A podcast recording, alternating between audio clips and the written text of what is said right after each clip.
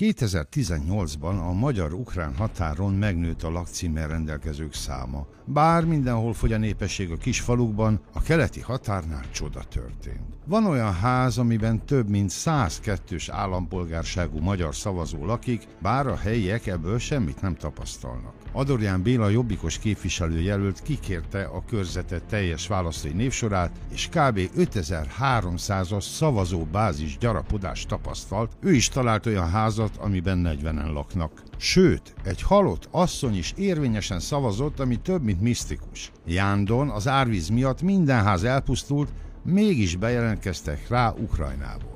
Talán a kellemes éghajlat miatt jönnek ennyien? Nem, inkább választási csalásról van szó, szervezett formában buszokkal hozzák a vosturistákat. Tiszabecsen az egyszerűsített honosítás bevezetése óta 146%-kal nőtt a szavazásra jogultak száma. Tízezer főnél is többet jelentettek be illegálisan a szabolcsi településekre, s láss csodát, abban az évben Tilki Attila, a Fidesz KDNP jelöltje, nagy fölénnyel nyerte a választást. Vox turistának érdemes lenni az ukránoknak, mert a szavazatért cserébe részesülhetnek a magyar szociális juttatásokból, s a nyugdíj bizniszben szakíthatnak maguknak, ha hamis papírokkal rendelkeznek. 1963-as szovjet-magyar egyezmény értelmében ez jár is nekik.